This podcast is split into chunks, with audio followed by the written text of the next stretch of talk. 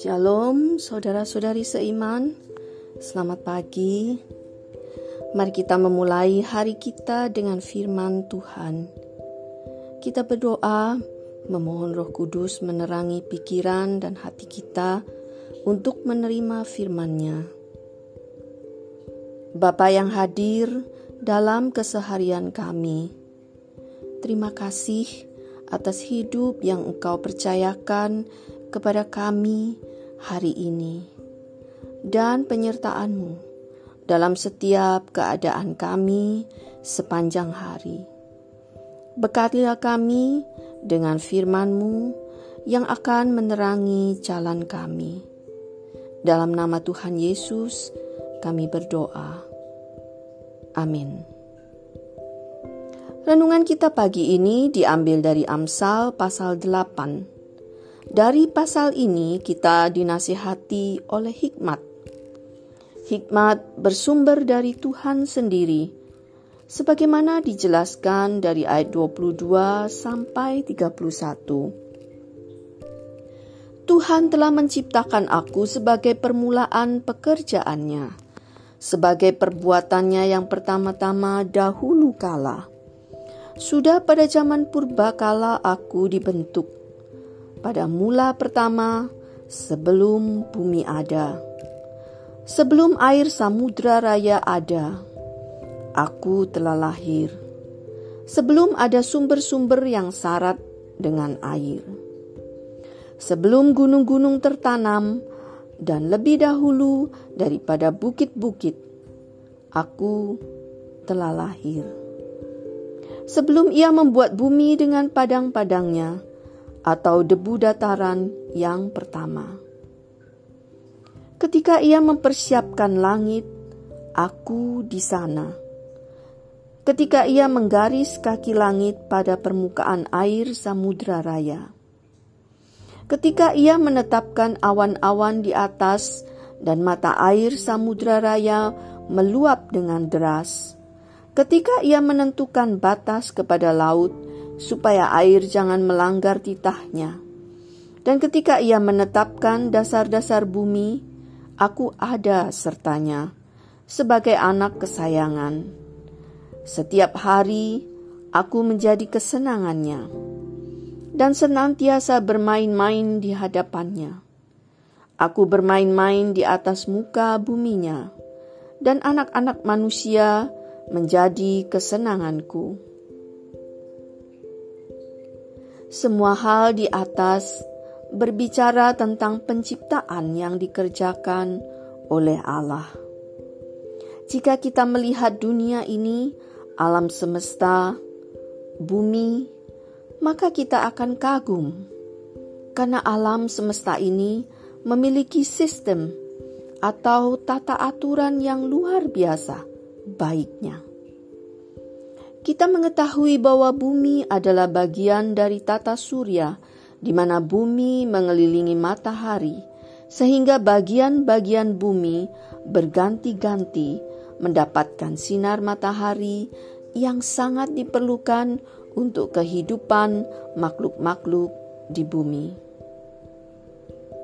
Bumi tidak memiliki penopang karena berada di ruang hampa udara tetapi bumi tidak jatuh atau berhenti berputar atau berpindah tempat sehingga mungkin bertabrakan dengan planet lain.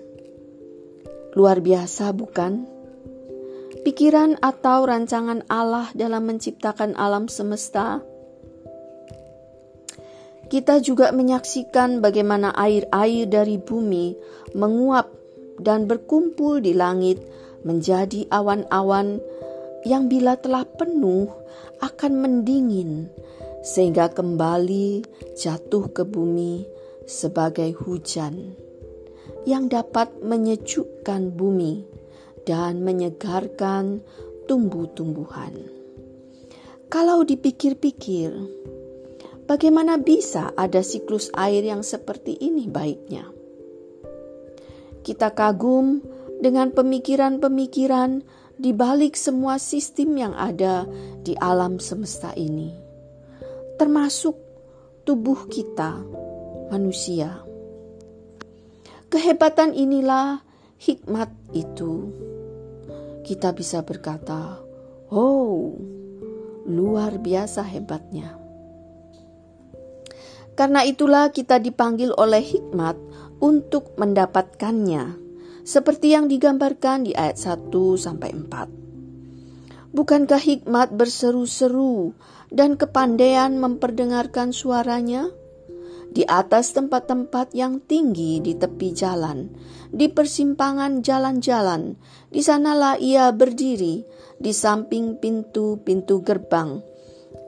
Di depan kota, pada jalan masuk, ia berseru dengan nyaring, Hai para pria, kepada mula aku berseru, kepada anak-anak manusia kutujukan suaraku. Hikmat memberikan banyak sekali manfaat kepada kita, sehingga memang pantas ia dikejar, diperhatikan sampai didapat. Ada jaminan kita memperoleh manfaat-manfaat tersebut jika kita beroleh hikmat. Karena sesungguhnya Tuhan adalah sumber hikmat itu. Dengan demikian hikmat pasti berada di jalan yang sama dengan takut akan Tuhan, membenci kejahatan, membenci kesombongan, membenci mulut yang penuh tipu muslihat. Hikmat selalu berada di jalan yang jujur, jalan yang benar. Manfaat-manfaat yang akan kita peroleh dari hikmat adalah kecerdasan, pengetahuan, kebijaksanaan, yang semuanya ini merupakan lawan dari kurang pengalaman, kurang bijaksana, yaitu dalam hal memutuskan perkara atau mengambil keputusan yang tepat, keputusan yang berkenan kepada Tuhan, keputusan yang baik dan benar. Hal-hal yang dalam, bukan yang biasa-biasa, hal-hal yang rumit akan mampu dimengerti dan diterapkan dalam proses pengambilan keputusan, sehingga pemikiran-pemikiran, ide-ide, rencana-rencana akan yang terbaik dan sesuai dengan kehendak Tuhan. Bersama hikmat orang akan dapat memerintah, menghakimi, dan menjadi kokoh dalam kekuasaannya. Mengapa demikian? Kita tentu suka dipimpin oleh seorang yang bijaksana. Kita suka memiliki pemerintah yang adil dan benar. Pemerintah yang demikian tentu kita sokong tentu kita dukung, kita bela, kita pertahankan. Jadi, tidak heran jika pemerintah yang penuh hikmat akan langgeng. Tentu, Tuhan juga yang meneguhkan dan memberkati pemimpin yang berhikmat. Bukankah kita juga akan mendoakannya? Hikmat membuat orang berkecukupan dan bahkan kelimpahan. Ayat 18 sampai 21 menyatakan hal ini.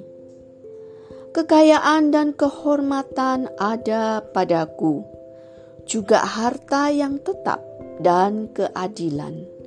Buahku lebih berharga daripada emas, bahkan daripada emas tua Hasilku lebih daripada perak pilihan. Aku berjalan pada jalan kebenaran di tengah-tengah jalan keadilan, supaya kuwariskan harta kepada yang mengasihi aku dan kuisi penuh perbendaharaan mereka. Saudara-saudara, jika seorang bekerja dengan hikmat, ia akan menghasilkan karya-karya terbaik yang unggul kualitasnya, sehingga ia juga pantas untuk memperoleh upah ataupun hasil dari pekerjaannya juga yang terbaik, yang lebih dari biasa yang lebih dari yang umumnya diterima. Dengan demikian, ia akan berkecukupan terus-menerus, dan Tuhan akan memberkati pekerjaan tangannya sehingga melimpah.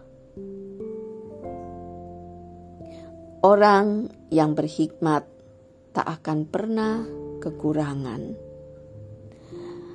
Tuhan Yesus sendiri menjanjikan yang benar bahwa air hidup yang Ia berikan akan terus melimpah dari dalam.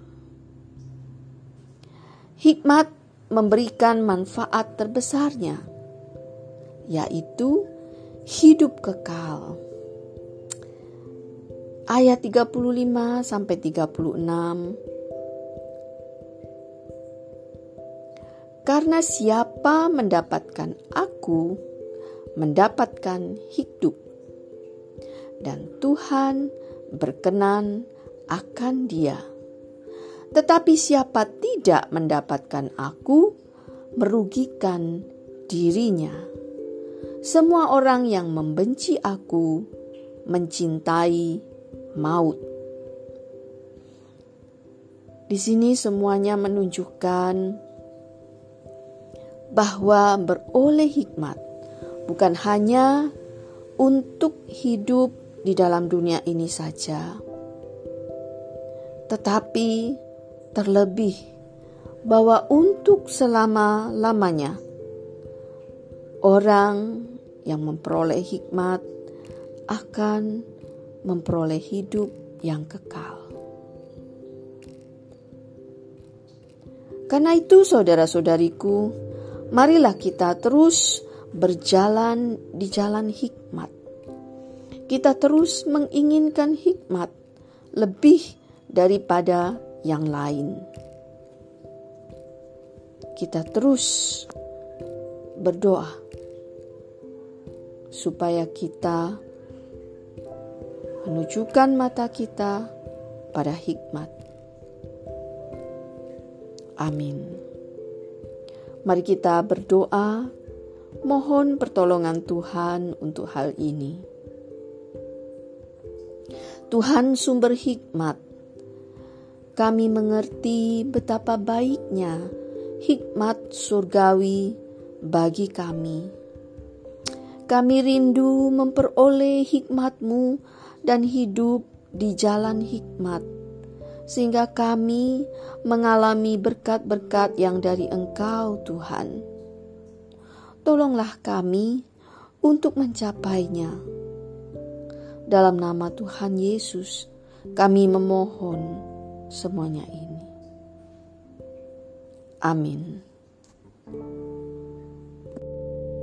thank you